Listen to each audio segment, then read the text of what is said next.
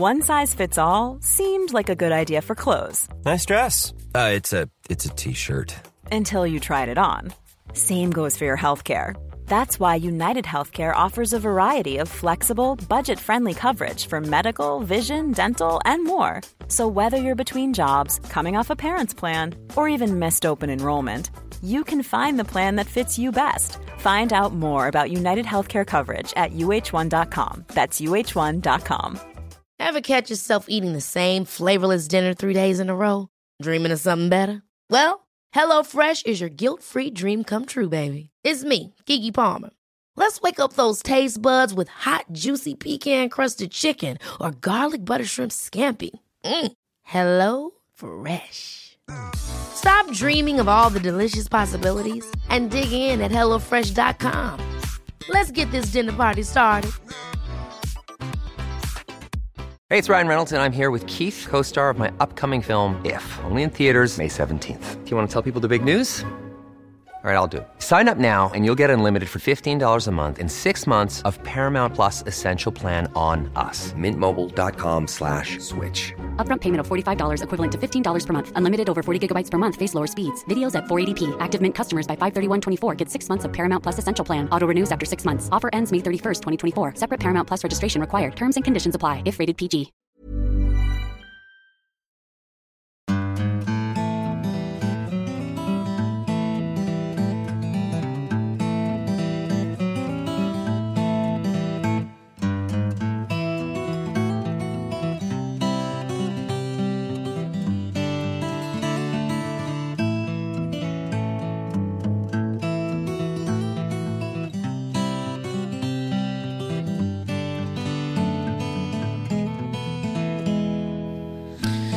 Hjertelig velkommen til en ny uke, nye muligheter og ikke minst en ny episode av Hall og knall-podden.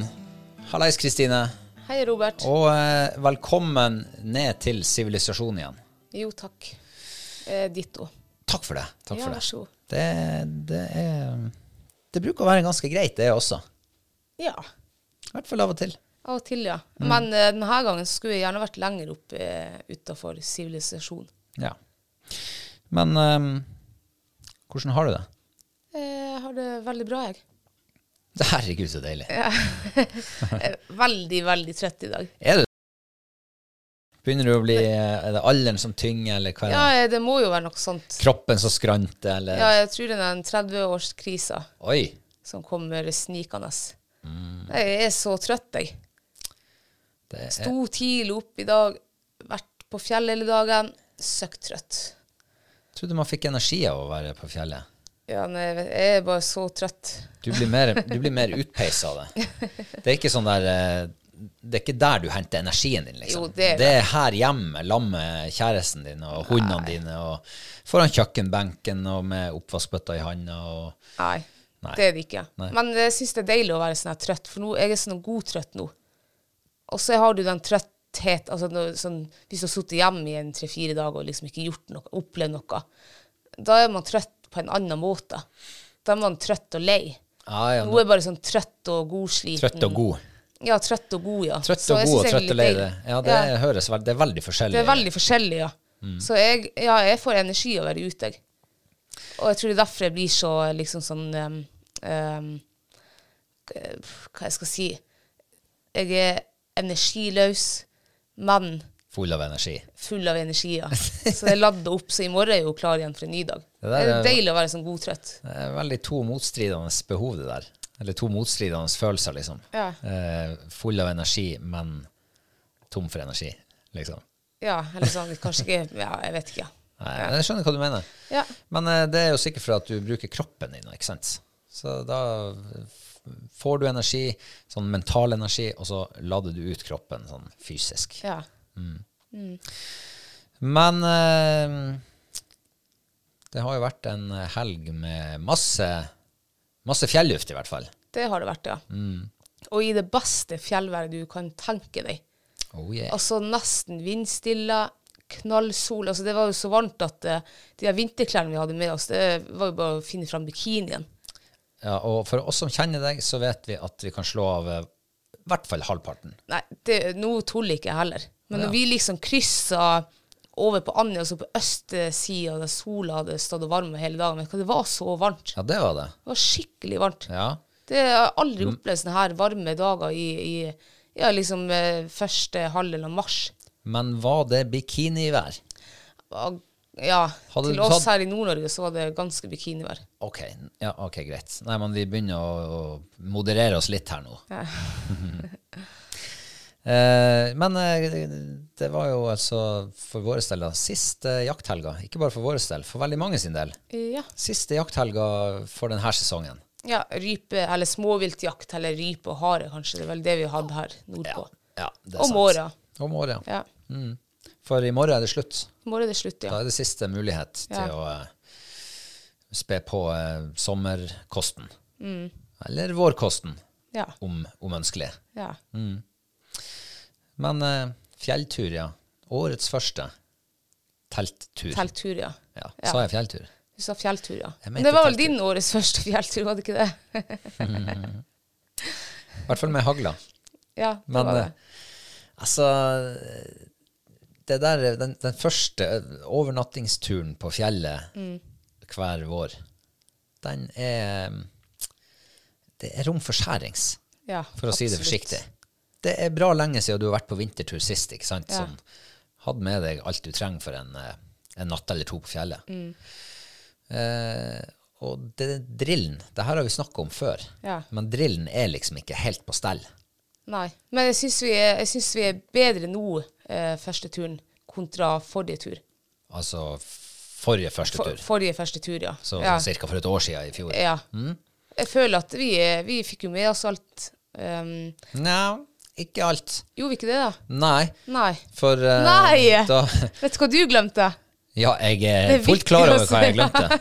Det var liksom det jeg skulle komme til nå. Så hvis du lar meg Ja, eh, ja, men jeg, ja, ja. jeg kommer akkurat på deg. ja, ikke sant? Ja, herregud. Jeg skulle jo ta oss dit. Ja. For eh, vi har jo, det har jo vært en kombinert scooter- og skitur. Ja. Scooter et stykke inn på fjellet, og ski videre ut i ødemarka. Og når jeg da står der og skal eh, pakke alt eh, fra eh, sånn scooterslede til skipulk, Ja. så går det plutselig opp for meg. Altså, det slår ned som iskaldt vann gjennom nakken på meg. Ja.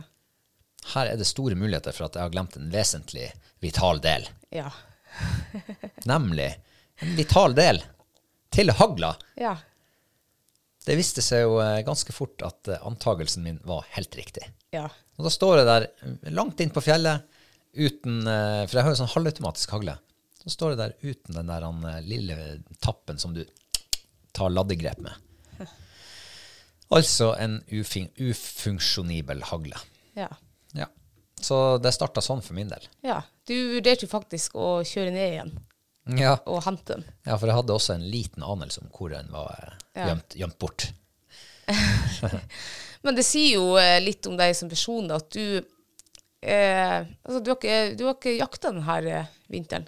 Nei, ja. vi var jo på Arnøy og på harejakt da. Det er sant. Det var kanskje derfor det, roten i, i grøten var. Altså, jeg bruker jo å ha faste plasser til mine ting. Ja. Jeg har faste plasser til uh, pengeboka mi. Jeg har faste plasser til uh, mobilladderne, til Mac-en, til sekkene. Jeg har faste plasser. Altså, mitt liv er veldig firkantig. Ja. Det må leves innenfor en firkantig boks når det kommer til sånne ting. På apropos, eh, apropos eh, faste plasser. Mm. Jeg, jeg hadde egentlig håpa håpet på at du kunne finne andre plasser. For eh, stikkontaktene dine, ladderne dine, de ligger inni stikkontakten. Ja, det er jo fast plass. 24-7. Fast plass. 356 dager i året. Så, ja, så da har jeg eh, ni dager hvor de ligger andre Ja. Og jobbsekken din den ligger omtrent sånn midt i stua. Og Mm. Der ligger den fra mandag til fredags ettermiddag. Da får jeg lov å rydde den bort derifra. Ja, men da blir det helg også. Ja. Veldig operativ sånn sett. Kort vei fra eh, fritid til arbeid. Så, eh, ja. Eh, ja, nei, men det, det, det er viktig å ha ting på faste plasser. ja, jeg Og- ser den. Du ser det jo nå. Ja. Eh, for vanligvis så ville den jo kanskje ha stått i hagla. Mm. Men når hagla har vært på transport, så har den jo ikke stått i hagla. Nei. Og eh, så har den jo blitt glemt og lagt tilbake i hagla. Ja. Og glemt å bli med på tur. Når man skal på jakttur, så er det litt uhøvelig. Ja, det er jo det, for det er jo, liksom, det, er jo det du trenger egentlig for å jakte, da. Det er ho- jo hovedverktøyet. Det er hovedverktøyet, ja. Eh, men, men, det, men det gjorde jo ikke noe, for jeg hadde jo ikke glemt min. Nei. Eh, eh, så eh, det viser jo faktisk at du jeg vet, Du skøyt mye bedre med min hagl enn det du har gjort med din egen. Ja, ja, ja. Det er helt sykt. Jeg eh, skyter godt med din rifle også. Ja, det gjør du Så også. Ja. damerifle og damehagle, det passer antagelig kroppen min. ja. Men jeg, det er det jeg har sagt bestandig, at kroppen min er litt sånn uproporsjonert. Jeg syns ikke det. Eh, altså Det må være noe feil her. Enten er det korte armer eller lang rygg eller korte føtter. Eller det, altså det er et eller annet som eh, liksom gjør at eh, det er liksom eh, ja, Kvinneting passer på meg. Ikke Ja, kvinneting. men, ja, men eh, da, vet, da har du det egentlig. For eh, korte armer eller never, det har du ikke. Og du er ikke noe verken hverken kort eller lang i ryggen. Men det er én ting du er. No. Du er stor i kjeften, er du. Så jeg tror jeg kjeften din altså Du må sikkert antageligvis ha en eh, kolbe som er et eller annet eh, Altså Ja. Ja. Den, min kolbe er jo litt bredere enn din kolbe. Kanskje det er det som er. Ja, hvem som vet. Ja. Jeg vet ikke om jeg vil vite det. Nei. For da finner jeg ut av hvor den feilproporsjonen er. ja, nei, Nei, men, men eh, vi har jo vært på, på første telttur. Um, ja. eh, en ting som jeg eh, tenkte på egentlig i fjor, når vi var på første telttur siste fjelltur. Fjelltur, mener jeg. Nei, første fjelltur. For da hadde vi ikke gått igjennom utstyret fra liksom året før.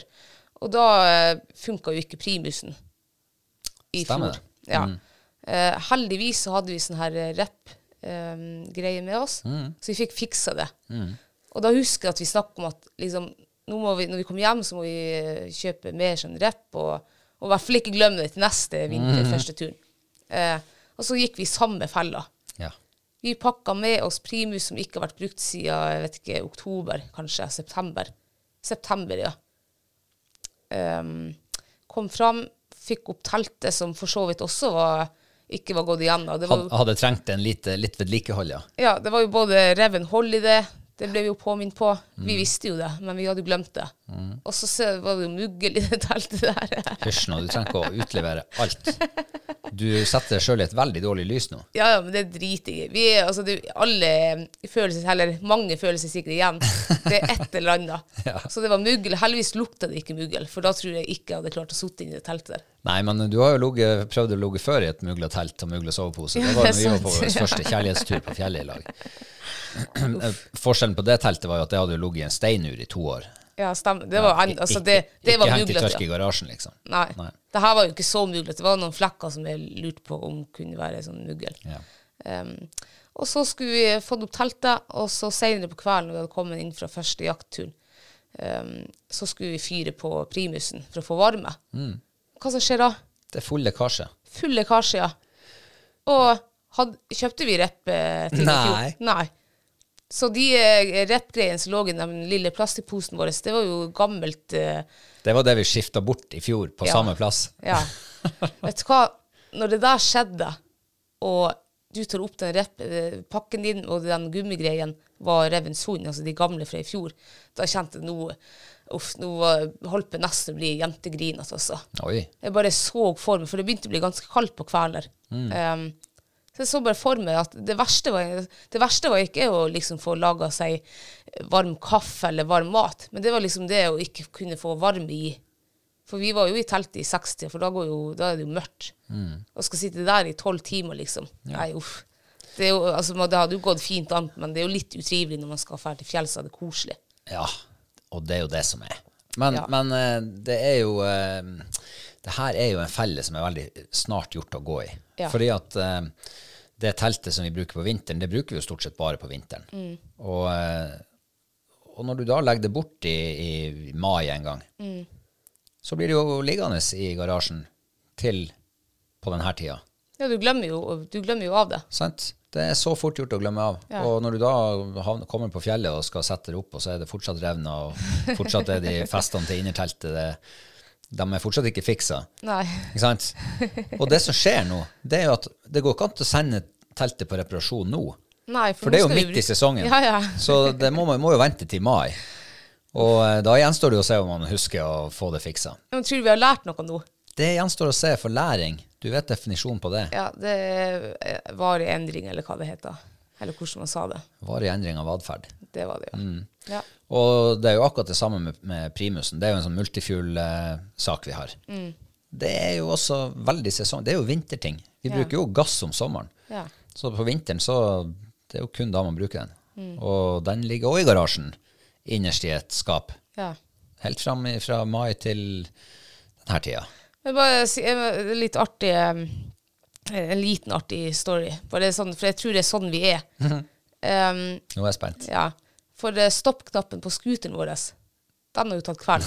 Så nå må vi jo Det nytter jo ikke å trykke stopp når du skal stoppe scooteren. Du må jo ut med nøkkelen hele tida. Og så spurte han pappa um, den stoppknappen, er det, er det liksom noe man kan skifte eller noe? Ja, hva som var galt med den? Ja, jeg sa den funker ikke lenger.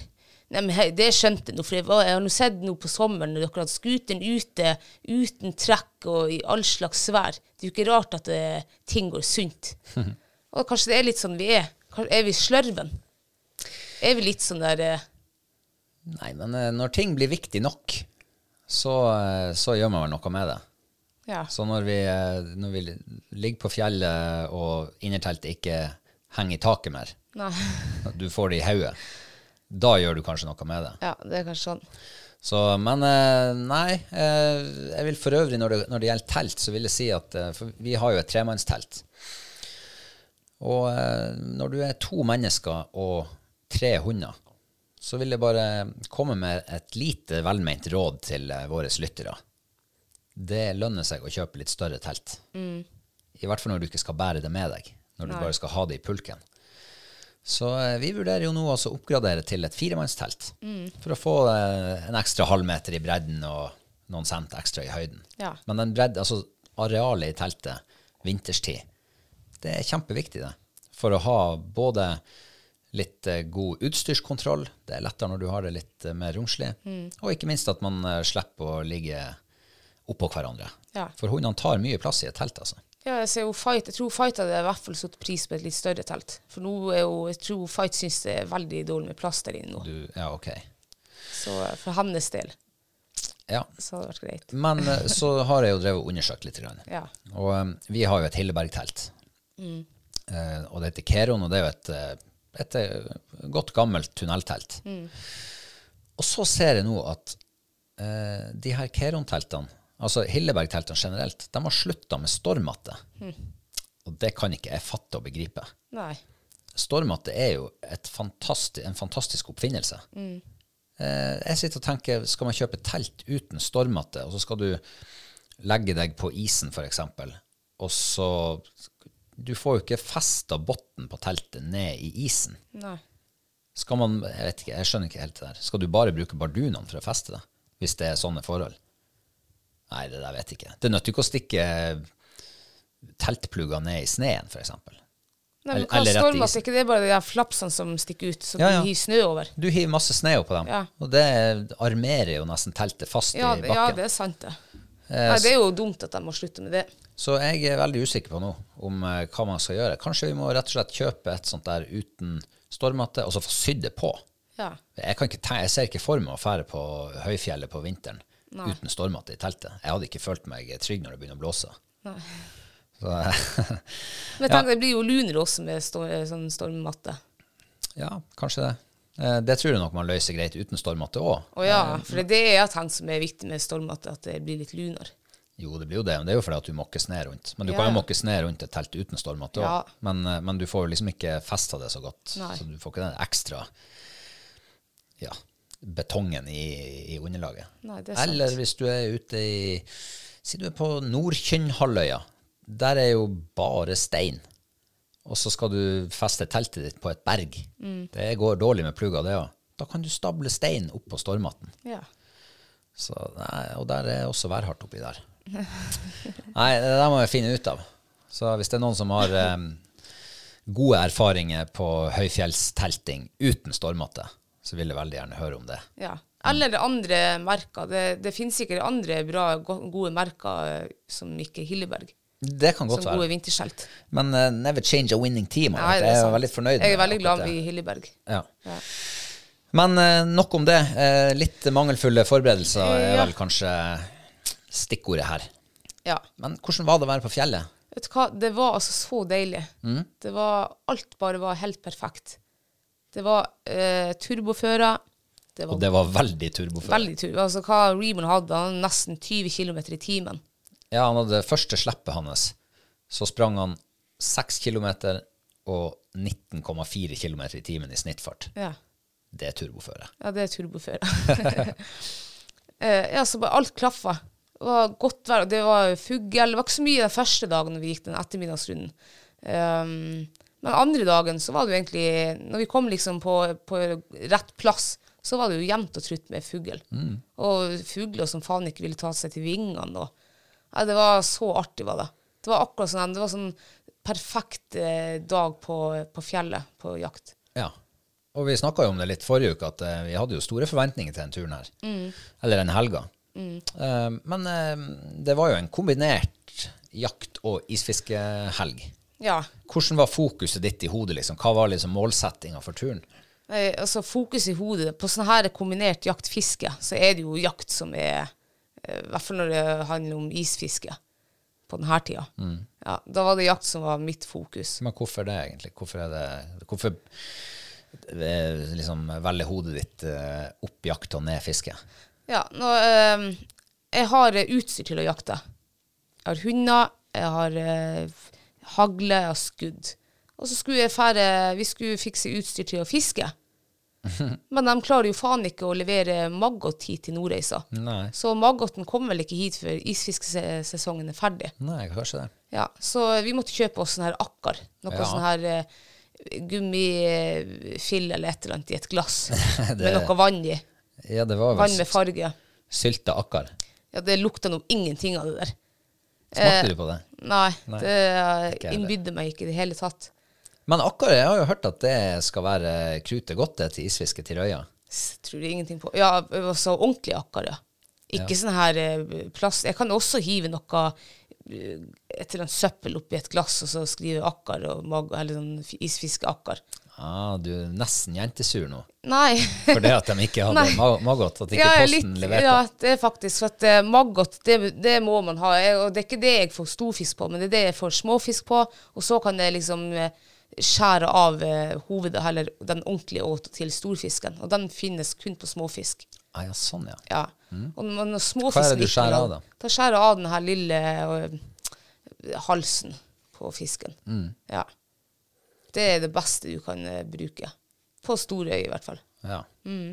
Og så har du jo òg, når du har brukt opp de der, og de er blitt spist opp, så har du begynt å skjære bukskinnet og Ja, er det rogn i den, så tar jeg rogn også og hiver på kroken. Men får du fisk på det? Ja. Ja vel. Ja. Eller jeg fikk nå i hvert fall på det. Ja, ok.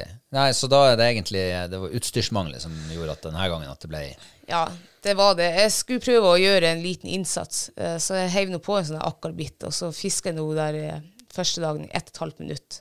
Eh, veldig stå-på-vilje, vil jeg si. Ja, skikkelig. Da følte jeg meg egentlig at nå har jeg gjort mitt. Det er ikke fisk her. Så. Men han fiska seg jo faktisk sjøl gjennom hele natta. Og så tok det vel kanskje et minutt til sånn litt pilka litt i den på morgenen. Shit, altså. Så det var, min, eh, det, var det jeg bidro med fiskinga. Ja, ja. Men eh, det, hva var målet for helga? Målet for helga det var at hun Klopp liksom skulle uh, komme seg litt i gang og, og um, helst bli felt fugl for. I en stand der hun den, Altså at hun holder en stand til vi kommer opp til henne. For det har hun jo hatt uh, små problemer med. Ja, hun har ingen problemer. Altså, hun, hun tar stand. Det har hun gjort siden hun var ja, valp. Så det er ikke det som er problemet.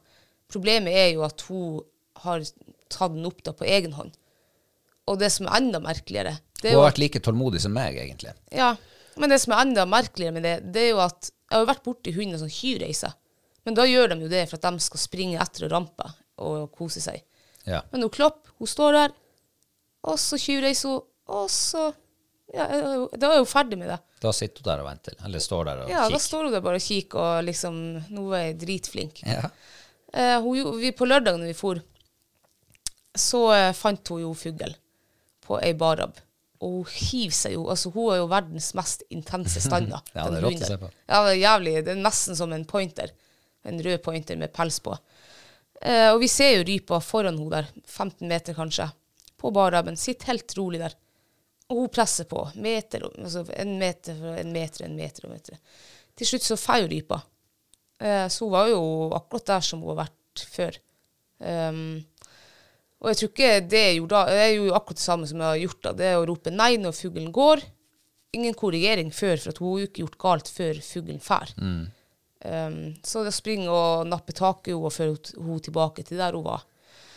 Um, søndagen så skjer akkurat det samme. Hun hiver seg i stand og går på og går på og går på, og fuglen letter. Eh, da overslo vi det egentlig. Jeg tror ikke vi gjorde noe big deal ut. Vi sto ganske langt unna henne også. Hun sprang jo ikke etter eller noe. Um, altså, vi snakka jo litt om Når vi ser fuglen, nå sånn som den dagen vi, vi hadde i går Fuglen var kjempesnill. altså Satt og trykte og trykte og trykte. Og, og når vi ser hun kommer inn, og at hun faktisk står på fugl, er det greit å, å si nei når Ja, hun går fram? ja, når hun går fram, ja. Når hun går fram, ja.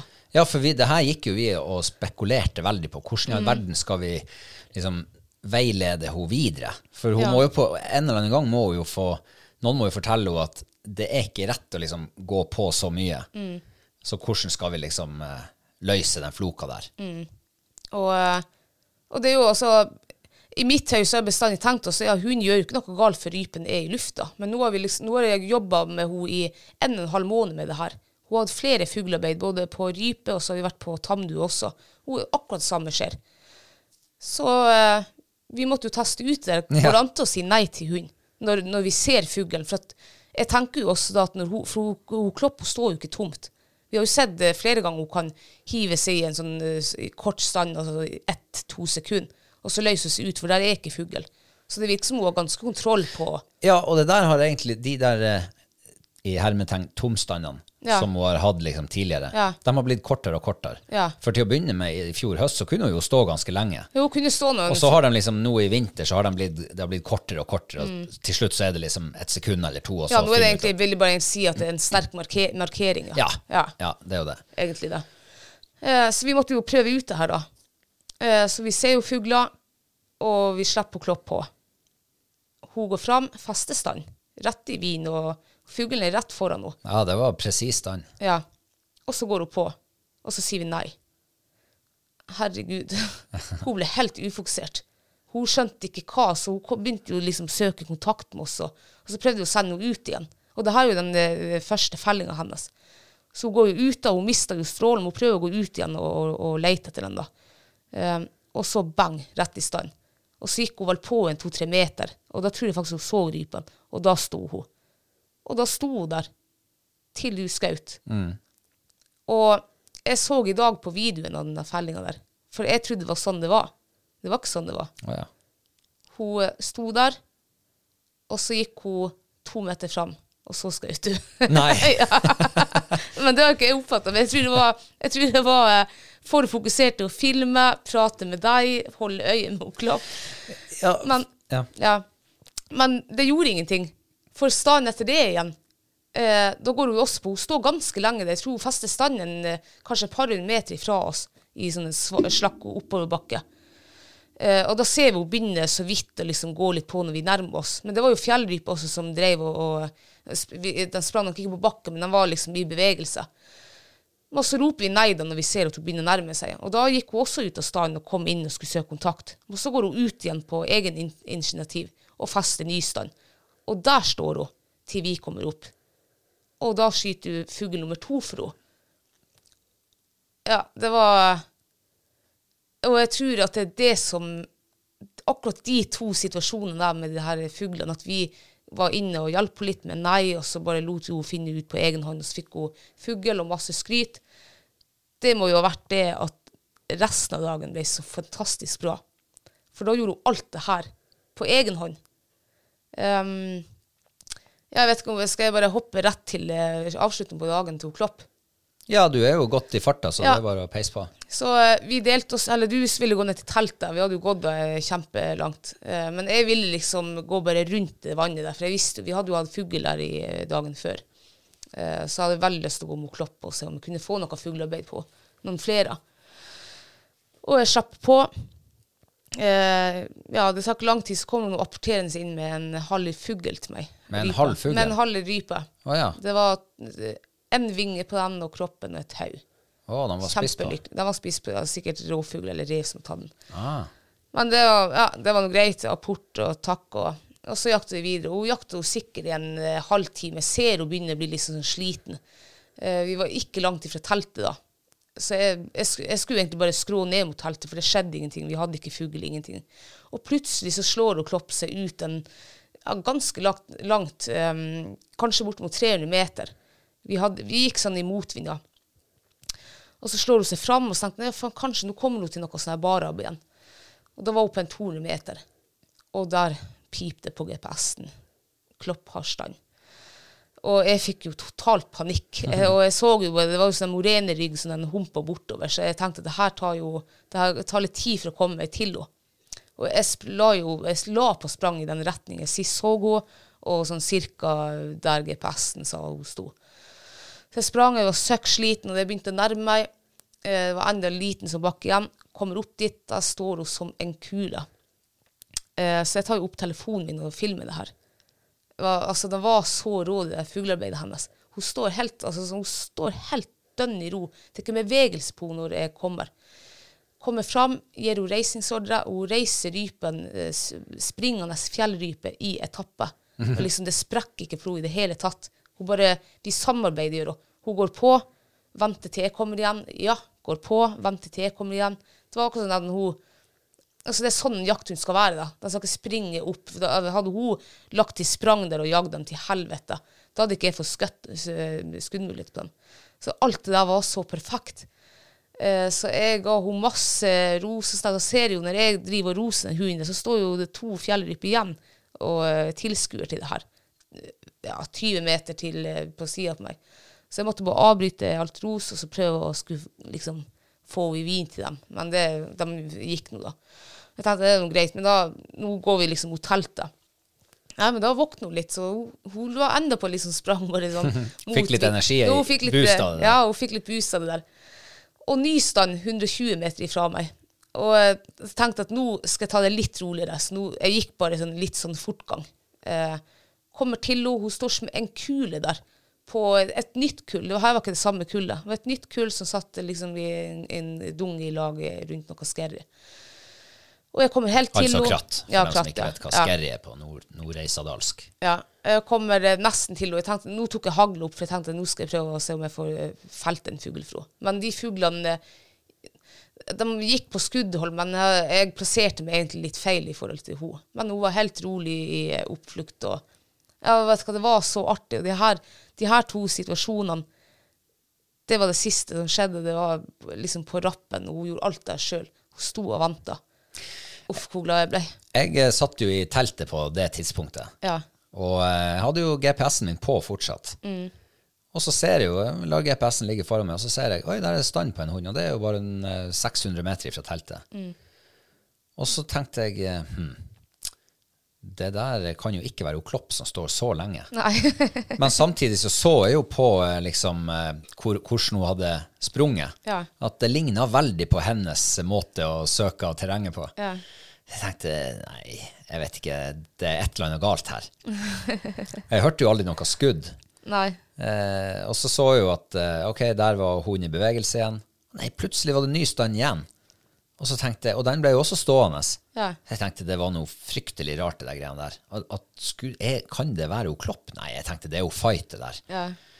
Og så kommer du tilbake, og så forteller du at det var hun Klopp som hadde begge de to standene, og at det var helt perfekt. Ja, det var helt perfekt. Og jeg var så overraska. Ja. Men eh, jeg tenkte på det at eh, For en fordel det var for oss akkurat i, i de der de første situasjonene du beskrev her, når vi gikk og vurderte liksom, hva skal vi gjøre med det, hvordan skal vi angripe det, skal vi tørre å si nei til henne når, når hun går på, liksom. Eh, og at vi ikke minst var to stykker når vi kom opp i den situasjonen. For da kunne du liksom ha fokus på henne, og jeg kunne ha fokus på de fuglene. Ja. Eh, sånn at jeg Helt kunne gjøre perfekt. Ja. Eh, nå sa du jo nylig at eh, du hadde jo flere Du hadde for mange ting å ta hensyn til, både filming og ho Klopp og meg. Men det der samspillet oss imellom mot det der felles målet, det syns jeg faktisk var veldig verdifullt. For da hadde vi kommunikasjon oss imellom, hvor du sa at eh, du kan skyte når jeg sier at du kan skyte. For da slapp jeg jo liksom stå følge med både For det var jo viktig å få felt de fuglene for henne, Ja. sånn at hun liksom skulle få belønning for det At hun at hun gjorde det ja. riktig. Ja. Eh, så, så det syns jeg faktisk var veldig bra. Mm. Eh, og kanskje det kan være et sånt eh, tips å ta med seg eh, hvis man har en sånn spesifikk ting man plages med Mm. med hund. At du kan ta med deg en som kan på en måte være til støtte og Mm. hjelp i sånne der konkrete situasjoner. Så det var veldig, veldig, eh, veldig bra. Ja. Og det virka jo som, selv om vi trodde at nå hadde vi virkelig drettet på draget, når hun ble bare liksom løste seg ut fra standen og kom bak mot oss og liksom var, så helt forvirra ut, stakkar, Ja. så viste det seg jo at det kanskje var det det som gjorde at hun liksom fikk, fikk det perfekt til slutt. Ja, vet du hva, jeg er nesten overbevist om at det var det. Eh, for vi har, hun har hatt så mye stande nå på, på rype nå de siste ukene, og akkurat det samme har skjedd. Hele tida. Og jeg roper nei når fuglen går, og jeg napper henne tilbake og ber henne bli der før hun får lov å utrede. Og det nytter ikke. Det, det funker ikke, så- eller det har ikke funka for henne. Så jeg tror, men jeg ser jo, hun er jo veldig sånn og vil gjøre oss til lag, så og er veldig glad i skryt. Og er, hun har jo ikke lyst til å feile, hun har jo lyst til å, å gjøre ting riktig. Så jeg tror det at vi sier nei til henne og går fram, og da du, Hun reagerte jo med en gang på nei. Ja. Da kommer hun inn og blir litt sånn usikker. Men så går hun ut igjen i stand, fester standen igjen på, på rypen og får skryt når hun står der. Jeg er helt overbevist om at det var det. Og tenker også at det, det var sikkert en ekstra sånn her bonus for henne å faktisk få lov å gå fram og apportere en fugl. Ja, nei, det var, det var, det var veldig interessant. Og jeg fikk jo liksom følelsen av at det der var ikke en vanlig måte å liksom gjøre det på. Liksom, si nei til en hund som står i stand, på en måte, som er midt i en situasjon. For det var jo ikke noe sånn her, det var jo veldig sånn her rolig og beherskende. Det var sånn, nei, bare sånn helt rolig prat jo. Det var ikke noe sånn her eh, Nei, det var ikke skriking og sånn. brøling, Nei, sant? nei. Nei. Sånn, det var bare en, en kort, enkel, liten korrigering. Ja. Så nei, det var veldig interessant det der. Lesson Ja. learned, altså. Det var en erfaring rikere for min del, i alle fall. At man kan faktisk tillate seg Det er jo ikke sikkert alle hunder kunne takle det, men hvis hunden er sånn type som Ja, og det var det vi også liker å snakke om. Liksom, kan vi ødelegge noe nå? Og så, mm, nei, jeg tror ikke det. For hun- Klopp hun er altså såpass tøff i hodet. Eh, så det tror hun takler. Og jeg tror hun takler å få en, en liten sånn her forstyrrelse, eller ja, korrigering da, midt i noe. Eh, hun er det faktisk, jeg tror hun er en av de tøffeste irsetterne jeg har sett. I hvert fall som jeg har hatt. Så det der tåler hun. Ja. Og det eh, så du også, det ødela ikke for noe. Uh, hun hadde to flotte fuglearbeid etter det også. Etter alt det der. Nei, men hvis man klarer å, å tillate seg å tenke Kanskje tenke litt utenfor boksen, tenke alternative måter. For man, når man har prøvd en ting Over lengre tid. Mm. over lengre tid, og, og du ser at det er ingen, det er ingen forandring, det skjer ikke noe, så må man kanskje ta sånne ekstreme valg, som å, å si nei til henne. Liksom. Mm. Ja. Og jeg tenker på en annen ting også. Um, du kan jo faktisk ha langline på hund og korrigere med den at når hunden står, og hvis hunden går fram, så bare strammer du litt bånda. Og, et, og det er jo sikkert veldig sånn her eh, kon, kontant tydelig. Det er veldig direkte tilbakemelding. ja. ja. Men jeg tenker hvis du er, er presis også på nei, noe som jeg faktisk tror vi var der og da, så vil jeg jo tro at det har samme effekt. Om du nå enten sier det med, med liksom lyd eller med berøring. berøring. Ja, kanskje. Ja. Eh, For altså, det aller viktigste må jo være at du treffer med timinga. Enten du Ja. eh, holder igjen i bannet, eller sier nei, eller et eller annet annet. Så um, Nei, eh, det der var veldig spennende. Veldig artig å, å, Ja. liksom, å få vært med på. Ja. Virkelig. Ja, det var helt rått. Jeg fikk nesten eh, Jeg tror jeg fikk en tår i øyekroken etter det første fuglearbeidet der hun gjorde alt sjøl, liksom. Lettrørt, vet du. Ja, det var, det var helt fantastisk av det. Så nå er jeg veldig spent nå når vi skal ut igjen nå til uka, og se om det liksom, om det sitter noe. Men jeg føler at nå, nå neste tur jeg går ut med henne, så kommer jeg til å gå ut med å, å stole liksom på For nå, nå har jeg jo sett at hun faktisk kan. Hun kan stå i stand i noen minutter uten at vi ser henne og stå og venter på oss. Ja, og Altså, det, og det snakka vi om Ja. eh, forrige gang, eller her tidligere i hvert fall, at tillit er noe som du føler. Det er ikke noe du bare kan bestemme deg for å ha tillit. Mm. Så, eh, så ja, da har du jo Da skjønner jeg at du har nådd målet ditt med helgas uh, Ja, nå tur. målet, ja. målet var at hun eh, Klopp skulle uh, bli felt fugl for, selvfølgelig i fuglearbeid, altså i stand. Mm. Og det skjedde, og det skjedde noe enda bedre. Hun klarte jo å finne Altså, det har hun klart sjøl, å finne fugl. Hun klarte faktisk å finne fugl langt borti fra meg og stå og holde den der. Uten at jeg så henne ingenting. Ja, det var rått. Det er bare å gratulere. Jo, tusen takk. Men eh, jeg har jo gått og ført han Reborn i helga. Ja. Og plutselig så viser det seg altså at han begynner å springe etter fugl Ja. når de går. Voksne karen. Ja. Hva det er slags surr? Han, han, han har aldri gjort det før. Nei, jeg ble helt tatt på senga av den hunden. Helt tatt på senga. Ja. Sprang 100 Fall meter portere og springe etter, ja. Det, altså, det var jo knallapport.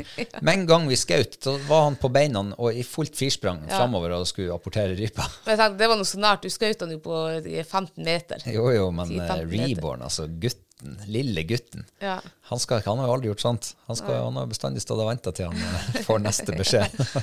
Kanskje han syntes det var kjempeartig. ja, jeg tror det. Jeg tror det. Men uh, han hadde jo et uh, fuglearbeid på, liksom, på slutten av dagen i går, før, før vi skilte lag. Ja.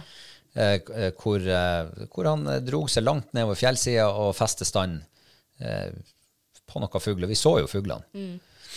Og da var jo vi egentlig ferdige å jakte. Eh, Ja. Men, men eh, jeg tok noen hagler med meg. Jeg, jeg lånte jo din hagle. Ja. Eh, og ett skudd.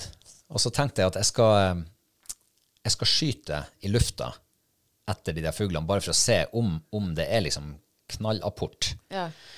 Uh, og jeg kom ned, og fuglene flytta på seg rett før jeg kom opp til han. Ja. Flytta seg fra den ene grusrøysa til den andre. Så det ble liksom litt utfor jaktbart hold, da. Og når jeg kom opp til han, så gikk jo rypen. Han begynte, begynte en avanse fram mot dem, og så fløy de. Ja. Jeg bare smelte av et skudd i lufta, og da ble han stående. ja, da var han, jeg så det. Han var helt rolig. Helt rolig. Og da fikk han masse skryt.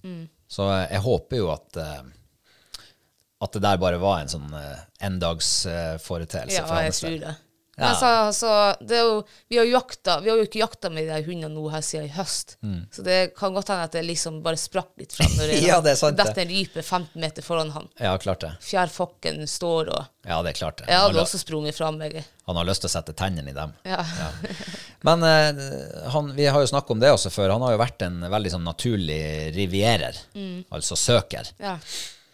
Uh, og så uh, i går, første slippet i går, så starta han ut i utrolig tempo. Altså skikkelig firsprang, på en måte. Og så til slutt så runder han over en uh, sånn her eh, kant og blir borte for oss. Og blir borte. Lenge, lenge, lenge. Så tenkte vi, ja, står han noen plass nå?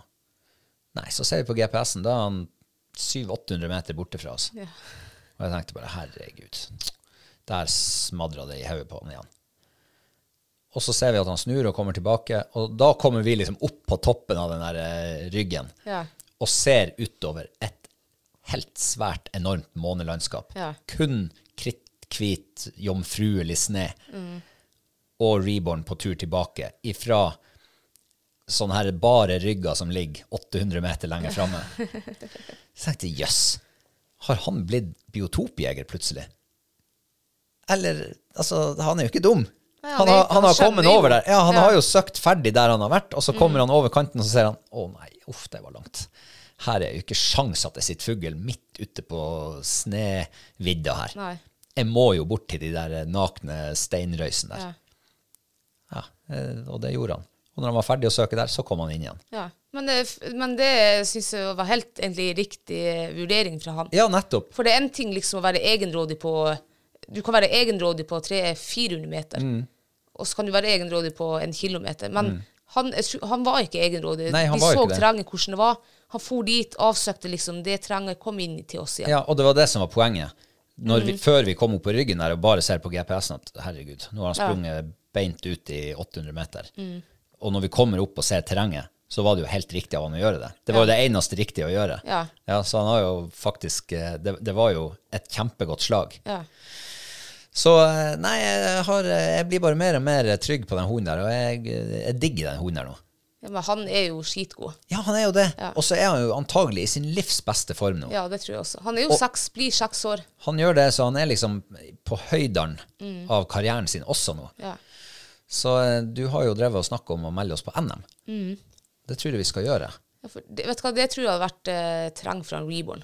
Han er ikke redd for å ta tak i terrenget. Ja, hvis det er sånn, sånn terreng på, eh, på Andøya. Det kan være veldig månelandskap. Ja, sant. Du har 700-800-900 meter med bare sne, og så er det noe kratt og noe Ja. røyse borti Det er å komme dit med en hund som eh, eh, ikke tar for seg terrenget. Um, men uh, fight, da. Det var jo turboføre. Det er jo det du har ønska deg hele vinteren. Ja, jeg syns Fight hun jakter kanongodt. Hun hadde jo også eh, noen slag der hun var på en ja, alt mellom 600 til 800 meter. Men jeg tenker at det syns jeg er så artig å se at hun koser. Eh, Du lar henne få noen friheter. Ja, ja, ja, herregud, det gjør jeg. Jeg gikk nå til hun var det forrige helg her, så gikk hun på en 700 meter og liksom skulle felle rype for henne. Nei, det eh, gjør meg ingenting, da. Nei, jeg syns det er artig å se at kroppen hennes fungerer. Hun er 11,5 år, men hun springer jo altså, hun springer jo som en ung hund. Og hun jakter akkurat sånn som hun jakta før. og hun er helt Ja, det er ingen problem med henne. Nei, ingen problem. Og jeg ser jo i dag, og i dag var Jeg tipper at eh, hadde jeg funnet ut i dag med dem på jakt, så hun hadde vært klar. Hun, hun er verken stiv i kroppen, ingenting. Hun hadde antagelig vært mer klar enn en eieren. Ja, det hadde hun helt sikkert. For Ja, Eieren var litt uh, sliten i dag. ja. Men det var, jeg sto så helvetes tidlig opp. Ja. Du vet, det. Man må jo nå alt før man eh, ja, ja. Skal ut. Nei, altså, eh, jeg vil jo bare si at uh, jeg har vært søkksliten i dag. Jeg, når vi skulle gå hjem i går, så, så ble jeg altså gående bak en uh, overtrent kvinnfolk med to ville hunder foran seg. Og jeg gikk der med min kropp og en sli, min slitne kropp og en uh, kropp foran meg med fire bein som også var sliten, tror jeg. Ja. Jeg har aldri gått Altså, jeg gikk alt jeg makta. Gjorde og, det? og klarte i perioder og klarte fortsatt ikke å ta innpå deg. Nei. Jeg kunne gå i kanskje tre-fire minutter og nesten ta deg igjen. Og så kjente jeg bare at nå stivner jeg overalt. Jeg har ikke sjans i havet til å ta det igjen. Nei. Så de eneste gangene jeg var i ræva på deg, det var når du stoppa og tok drikkepause. Ja. Da fikk jeg akkurat komme fram til deg og sagt hei, og så var det bare på. så, så jeg har vært litt sliten i dag. Ja. Men det er jo det er noe sånn det ja. Det er godt å være sliten. Ja, ja. Men eh, hvordan er fjellivet generelt? Er ikke det deilig å ligge utpå der? Jeg Bare- ja, det, og det sa jeg når vi liksom slått opp teltet, at herregud, det var deilig å, å være i telt igjen. Det begynner å bli en, en god stund siden. Ja. Jeg liker, jeg liker teltlivet hvis, det, hvis du har liksom en, en aktivitet å gjøre. Jeg kunne ikke ha falt meg inn Og du snakker ikke om yatzy, da? Nei, da snakker jeg om liksom jakt eller fiske eller Mm. ja, hundetrening. Eller, altså, det må være en slags for eh, eh, fysisk aktivitet. Ja. Mm. Um, noe som er artig. Jeg kunne aldri ha gått på telttur og ligget en helg liksom, bare opp på en barrygg, og så er det ingenting. Kanskje en Brent bekk som bål og sett på naturen? Nei, det hadde ikke jeg hatt tålmodighet til. Men veldig, jeg trives veldig godt i telt, gjør jeg. Ja. Ja. ja, man får en sånn egen ro over seg. ja. Du, f- altså, du er jo som regel når du er i hvert fall her oppe på fjellet, jeg vet ikke hvordan det er andre plasser i landet, men her er det jo, ikke sant, du skal ikke så veldig langt bort fra veien før det er null dekning, Mm. eh, det er null folk, stort sett. Eh, så du får liksom vært helt alene, og det er den frihetsfølelsen nesten. Ja. Og veldig, jeg får veldig sånn roen når vi liksom, når teltet er etablert, og liksom teltorden er på plass. Det varer jo stort sett ikke så lenge, den teltorden, og det skjærer jo i et gammelt militaristhjerte, selvfølgelig. Men, Syns vi har det ganske ryddig. Ja, du om det. Vi kan være enige om at vi er ikke helt enige om detaljer i, i, i. Eh, nei, så det, det er deilig. Og nå var det jo altså egentlig helt uvanlig vær. Vi er midt i mars. Det var stjerneklart. Det var ikke en sky på himmelen. Uh, det var kraftig månelys, og det var null grader. Ja. Kanskje et par minusgrader om natta. Og det var litt sånn her eh, antydning til litt nordlys om kvelden der. Og, Nei, det, det er noe eget, altså. Ja, det er magisk. Ja, det er det. Så um, kanskje vi skal sette i gang en sånn der uh, netter i telt-counter Ja. nå, og så ser vi når, vi, når vi kommer til eh, nyttår, så ser vi hva, hvor mye vi kan summere opp. ja. Hvor mye vi faktisk bruker telt. Ja. Jeg tror, det en, jeg tror ikke det er sånn at vi er ikke ekstreme. Vi, Å, nei, nei, nei, nei. Men, Men, det, vi har ganske mange netter i telt. å, ja, ja, Det har vi. ja. De fleste kommer jo på sommeren, selvfølgelig. Mm. Men eh, det er noe eget med de der eh, klare vinternettene også. Ja. Jeg syns det er deilig. Så lenge primusen virker, at du får noen plussgrader i teltet, Ja. så er det Det viktigste for meg det er, ja, det er varme på, på vinter. Så det er primus og god sovepose. Da berger seg. Jeg bruker av og til å tenke at uh, Børge Ausland, hva er det som får han til å legge i marsj fra Canada til Svalbard over Nordpolen, midt på mørkeste, svarteste, Ja. kaldeste vinteren? Hei. Det eneste det handler om, det er å gå mange nok kilometer om dagen, få i seg eh, mange nok kalorier eh, og holde seg tørr og varm. Ja. Altså Hva er motivasjon? helt primitive behov. Blir Ja. du våt, så har du et problem. Nei, vet du hva, ære være dem, altså. Det er virkelig eh, ekspedisjonsfolk. Ja. Men det hadde ikke vært noe for meg. Nei, jeg hadde aldri klart å bli så tøff. De var jo, da de gikk for et år eller to siden, de så ikke dagslys på 80, ne- ø, 80 døgn. Å, herregud. Det var 100% mørketid der oppe. Nei. Ja, Det eneste lyset var fra hodelykta. Nei. Jeg fatter ikke det. Er det ikke, er det ikke dagslys der? Nei, nei, ikke så langt Å, herregud. Nei, uff. Nei, det er sprøtt. Ja, det Ja, det er spesielle folk, men så ekstreme er jo ikke vi, da. Nei, men det er jo litt artig å liksom eh, ha litt tellinger da, på, Ja, ja. på telt, eh, teltovernattinger. ja. Eh, eh, jeg må jo si at jeg fiska litt mer enn deg. Jeg gjorde virkelig en innsats. Du gjorde det, ja. Ja. Eh, mens jeg drev og stekte, stekte brødskiver med ost og skinke på, ja. så lå jeg og pilka. Åh. Ja, ja. fikk du noe da? Eh, nei. Nei. Jeg hadde ett napp denne helga. Oi! Jeg så en eh, par sånne småfisker nedi der. Nei, daven. Og, men trøsta er jo at det lå jo et telt eh, et stykke bort for oss. Ja. Eh, De eh, hadde vel fått én steikfisk, Mm. og bare sånne småinger ellers. Men de hadde heller ikke maggot. Uh, nei, de hadde vært på bygda og tinga rogn. Ja. Så eh, ja, ja. Nei, hver har sin lyst. Men det kommer vel eh, flere turer hvor det er mer isfiske i fokus, da. ja et, altså det isfiskemåneden, det er jo april og mai. Ja, det er jo det. Ja. Så vi ender litt tidlig ute. Litt tidlig. Men uh, det var mye folk på fjellet nå i helga. Det var Mm. mye, mye godt vær. Ja, det var det. Og da trekker folk av gårde. Ja. Mm. Det gjør de rett i. Uh, det var jo selvfølgelig ett Jeg skal ikke si skår i gleden, men det var ett et moment som var litt sånn viktig for meg. Ja. Fordi at eh, vi hadde jo eh, Liverpool-kamp på lørdags formiddagen klokka halv to. Ja. Og da kjenner jeg at eh, jeg skulle helst ha sittet på en fjelltopp hvor det er dekning, sånn at jeg kunne få sett den kampen. For det går jo ikke an å unngå å få med seg et resultat hvis du skal se kampen i, i opptak. Det går Eller? jo an. Ja, det, gjør det. Hva er trikset? Koble seg ut av all sånn varselgreie. Ikke sjekke Facebook, ikke sjekke Snap. Mm. Det må vi ikke gjøre. Skru av varsel ifra VG, NRK, alle som kan skrive noe om tittelkampen i England. Ja. Alle som kan finne på å sende en SMS til deg, eller en messengermelding, eller ja, hva som helst. Mm. Spiller du Fantasy, så må du skru av varsel fra Fantasy Premier League. Ja. Og eh, det, det klarte vi, altså. Mm. Klarte å holde alt hemmelig for oss sjøl til vi kom hjem i går kveld Ja. og satte på kampen. Og fikk sett den i opptak. Mm. Herlig. Det var en bra avslutning på dagen. Veldig bra avslutning.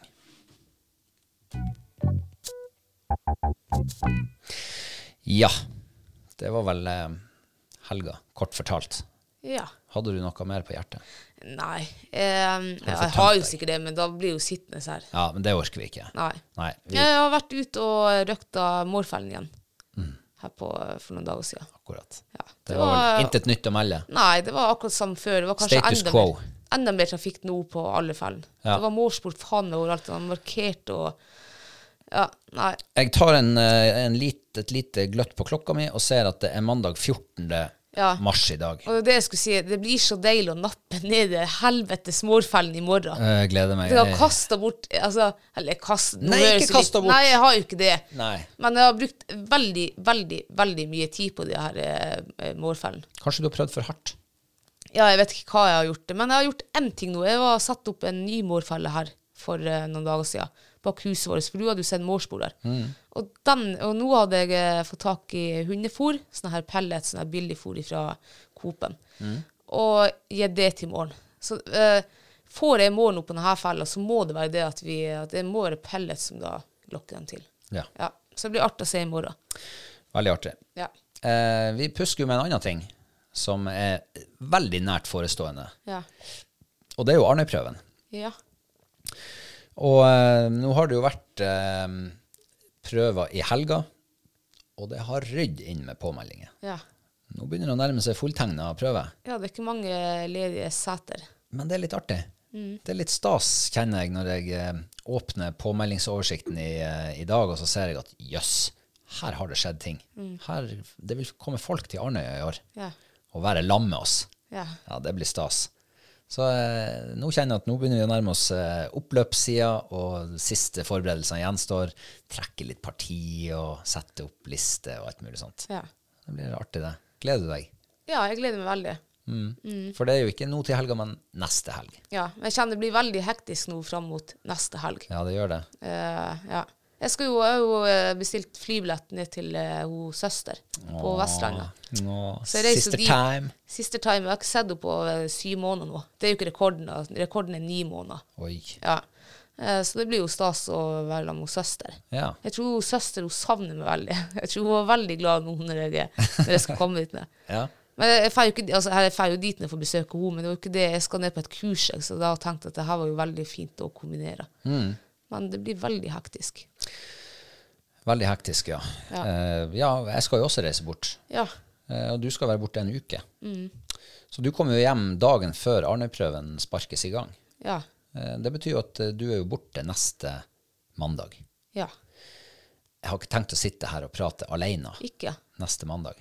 Da slipper du liksom når jeg avbryter deg, eller du kan kjøre ditt eget show. Er ikke det koselig? Nei, jeg syns det er litt stas når du avbryter meg. Ja, ja. Jeg syns det er fint, det. Fint å sitte og prate sammen med deg. Ja. Ja. Eh, så da må vi jukse litt. Eller vi skal ikke jukse. Mm. ikke jukse. Det er ikke juks. Vi, vi må planlegge det. Mm. Eh, hva er det vi har tenkt? Vi har tenkt å invitere en gjest hit til våre studio. En, Mm. uh, ikke hvilken som helst, helst uh, gjest. Nei. Um, hvert fall for dem som har Gordonsetter, og kanskje for dem som driver på med fuglehunder. De har hørt om han Ola Dyrstad. Mm. Legende. Levende Legend- legende. Ja, jeg tipper han er en av eh, dem som har mest peiling om akkurat Gordonsetter-rasen. Han er nok en av dem som har desidert best peiling på det. Ja. Han har skrevet bok om Gordon Ja, tenk. om eh, avl og stamtavle og forfedre og formødre og hva Ja, vet jeg. Alt som sikkert inngår. Eh, det er vel et rent leksikon Ja. om. Åh, jeg gleder meg til eh, praten vår med han. Ja, det gjør jeg òg. Mm. Eh, Ola Dyrstad heter han. Og han skal komme på besøk til oss. Mm. Og eh, den episoden skal vi eh, sende som en Patrion-episode på mandag Mm. om en uke. Så det gleder vi oss veldig til. Ja. Jeg, eh, jeg kjenner det skal bli litt artig å dykke inn i en annen rase og få lære seg litt mer om det. Ja. Og han er jo både jeger og dommer på jaktprøver og har vært i Mm. en årrekke. Og så eh, kanskje det er folk som har spørsmål til han. Mm. Da må du som hører på, sende spørsmål til oss. Asap Zulu. Mm. For på onsdag så skal vi spille inn den episoden. Ja. Eh, og det kan være alt mulig. Det kan være om jaktprøver, hundetrening, eh, Gordon-setter, og sikkert masse annet. Ja. Hvis du driver med brevdue, så kan han mye om det òg. ja. Kanskje det, hvis du lurer noe på det. så, så kan han sikkert eh, komme med noen gode tips der også. Eh, så det blir spennende. Mm, eh, jeg gleder meg til det.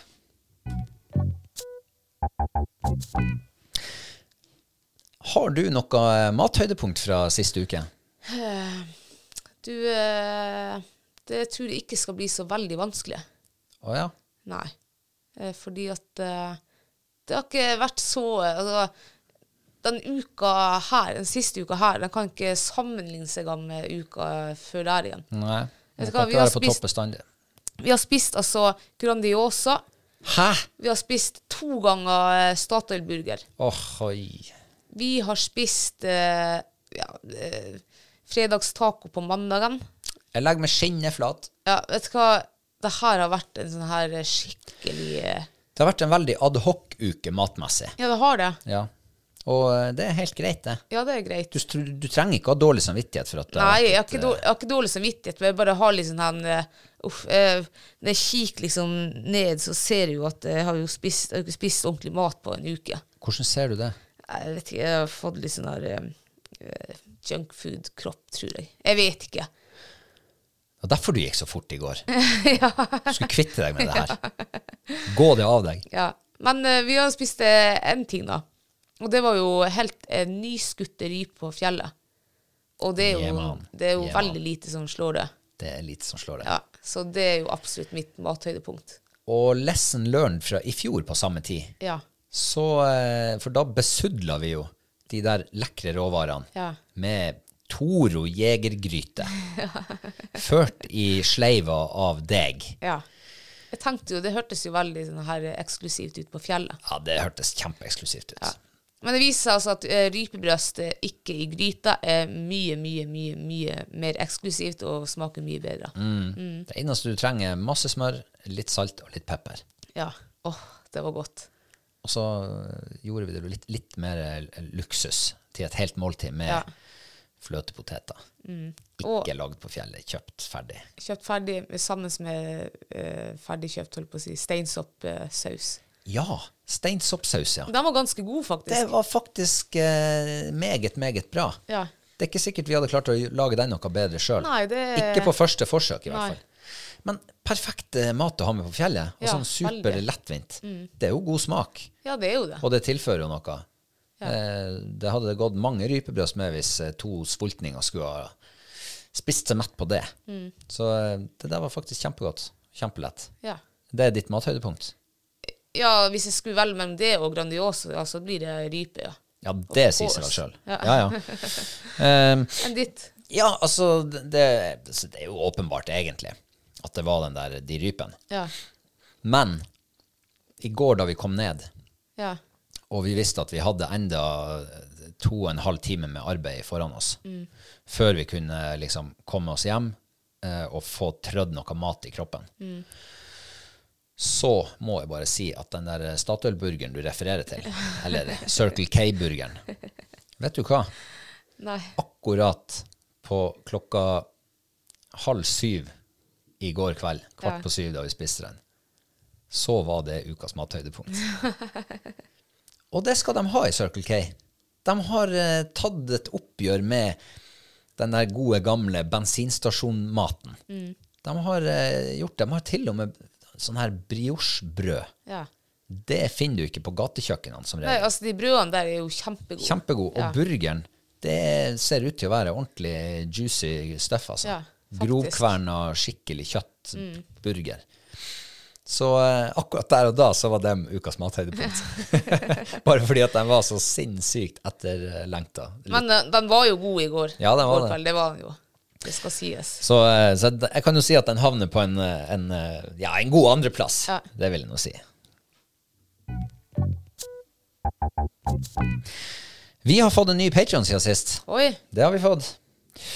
Eh, og det er en, eh, en kar som heter Morten Mathisen. Ja. Mathisen. Da fikk Mm. Ja. jeg med en gang sånn her eh, nord, eh, nordnorsk vibba. Ja. Eh, bare på, eh, på navnet, liksom. Ja, Mathisen. For det, er- det er, jeg vet mange som eller i hvert fall hørt om mange som heter Mathisen her. Ja. Det er jo sikkert det sørpå også, da. Men, Ja, jeg jobber sammen med en sørfra som også heter Mathisen. ja. Så jeg tror det, det, det kan du godt hete. Ja, det, det er vel sånn som Hansen, sikkert, da. Du, Ja, litt i samme gata, ja, Ja. vil jeg tro. Mm. Han, han står jo på et fiskevann på det her profilbildet, og, Ja. det ser, og det er det snø nederst der. Nei, det er en båt er båt, ja. som ligger opp ned. Ja, ok. Ja, for det er veldig nok- smått bilder. Ja. Det der er nok antagelig et vann som er litt utafor allfarvei, tenker jeg. Ja. Eh, veldig bra, Morten, at du har lagt ved et profilbilde som liksom viser litt av eh, Kanskje det er din bakgård. ja. Men eh, når jeg ser på Morten, så ser du en, en kjekk ung mann, men vet hvem han ligner på? Mm, ja, det kan kanskje ane meg. Han ligner altså så mye på han Stian Blipp. Oi. Ja, er, når du sier det. han er fra Bergen, er han ikke det? Ja, han er fra Bergen. Ja, men da tror jeg ikke det er broren hans, da. Kanskje det er en Broren hans hadde kanskje heta Blipp til etternavn. Hvis han ikke ja, hadde er Blipp gifta seg. etternavnet? Jeg tror det. Jeg trodde det var sånn her, bare sånn der eh, kallenavn. Oh, ja. Å ja, nei, jeg vet ikke. ikke Kanskje vet det. jeg. Å ja, ok. Kanskje han, egentlig, kanskje han heter Stian Mathisen. Kanskje det, ja. Så har han bare tatt artistnavnet Blipp. Ja, for han driver med sånn beatboxing òg. Ja. Ja. Jeg vet ikke, men det ligner veldig på han. Men, men eh, jeg holder meg til Nord-Norge. Eh, Fjellene også, det kan det, Hamarøy kunne liksom, fikk liksom Hamarøy-vibber. Mm, ja, kanskje det. Det var veldig fint der nå i sommer når vi var der.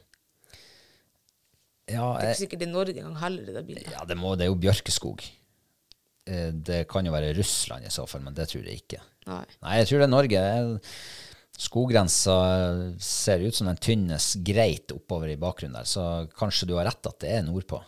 Med mindre det ligger høyt til fjells sør Ja, på en plass. At du liksom er rett, opp, rett under skoggrensa. Ja. Men jeg tror at jeg får uh, Ringvassøya-vibber her. Gjør du det? Ja, Ja. jeg tror det er Ringvassøya. Jeg vet ikke hva det heter der ute. Vannvåg.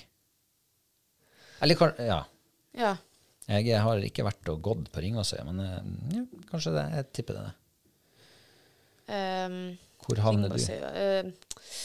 Nei, jeg vil jo holde meg der i, i eh, Nordland. eh. jeg er jo ikke så kjent, men så um, Nei, jeg får si Hamarøy, da.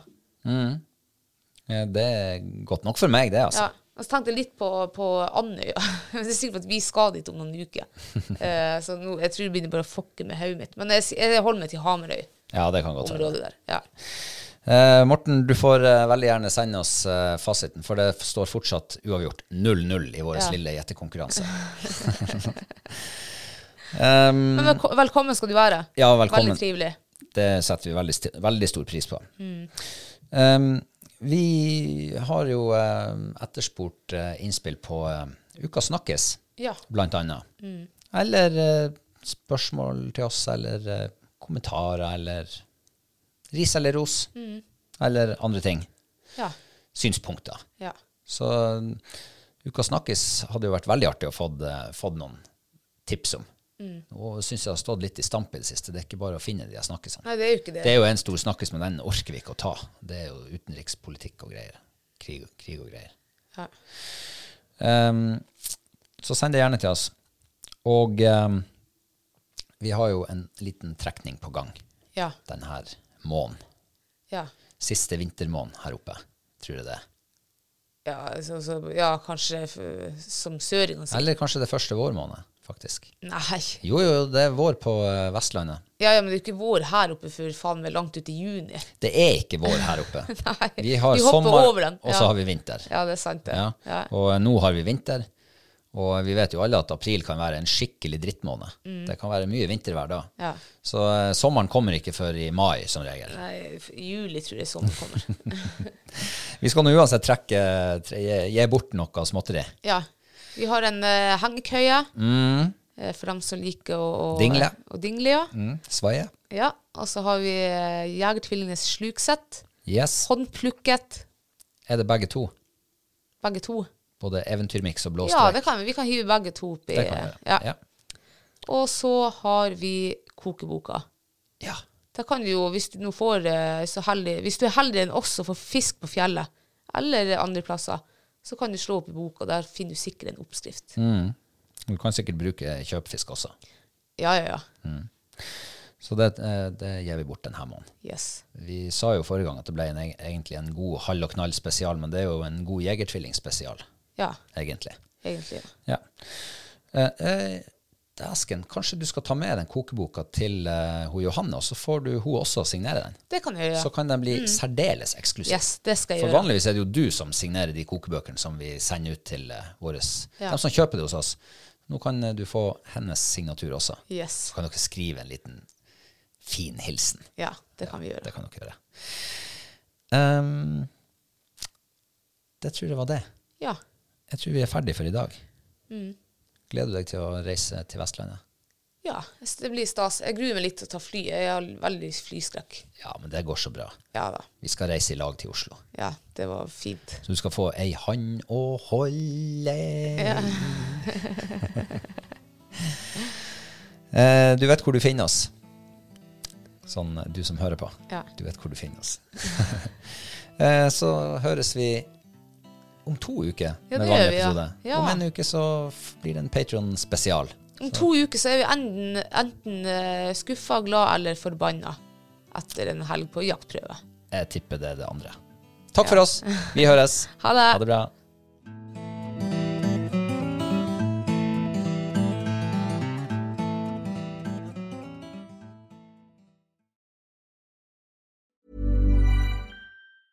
Hey, it's Danny Pellegrino from Everything Iconic. Ready to upgrade your style game without blowing your budget? Check out Quince. They've got all the good stuff shirts and polos, activewear, and fine leather goods, all at 50 to 80% less than other high end brands. And the best part? They're all about safe, ethical, and responsible manufacturing. Get that luxury vibe without the luxury price tag. Hit up quince.com slash upgrade for free shipping and 365 day returns on your next order. That's quince.com slash upgrade. Ever catch yourself eating the same flavorless dinner three days in a row? Dreaming of something better? Well, HelloFresh is your guilt-free dream come true, baby. It's me, Kiki Palmer. Let's wake up those taste buds with hot, juicy pecan-crusted chicken or garlic butter shrimp scampi. Mm. Hello Fresh. Stop dreaming of all the delicious possibilities and dig in at HelloFresh.com. Let's get this dinner party started. Planning for your next trip? Elevate your travel style with Quince. Quince has all the jet setting essentials you'll want for your next getaway, like European linen, premium luggage options, buttery soft Italian leather bags, and so much more. And is all priced at 50 to 80% less than similar brands. Plus, Quince only works with factories that use safe and ethical manufacturing practices. Pack your bags with high-quality essentials you'll be wearing for vacations to come with Quince. Go to quince.com/pack for free shipping and 365-day returns.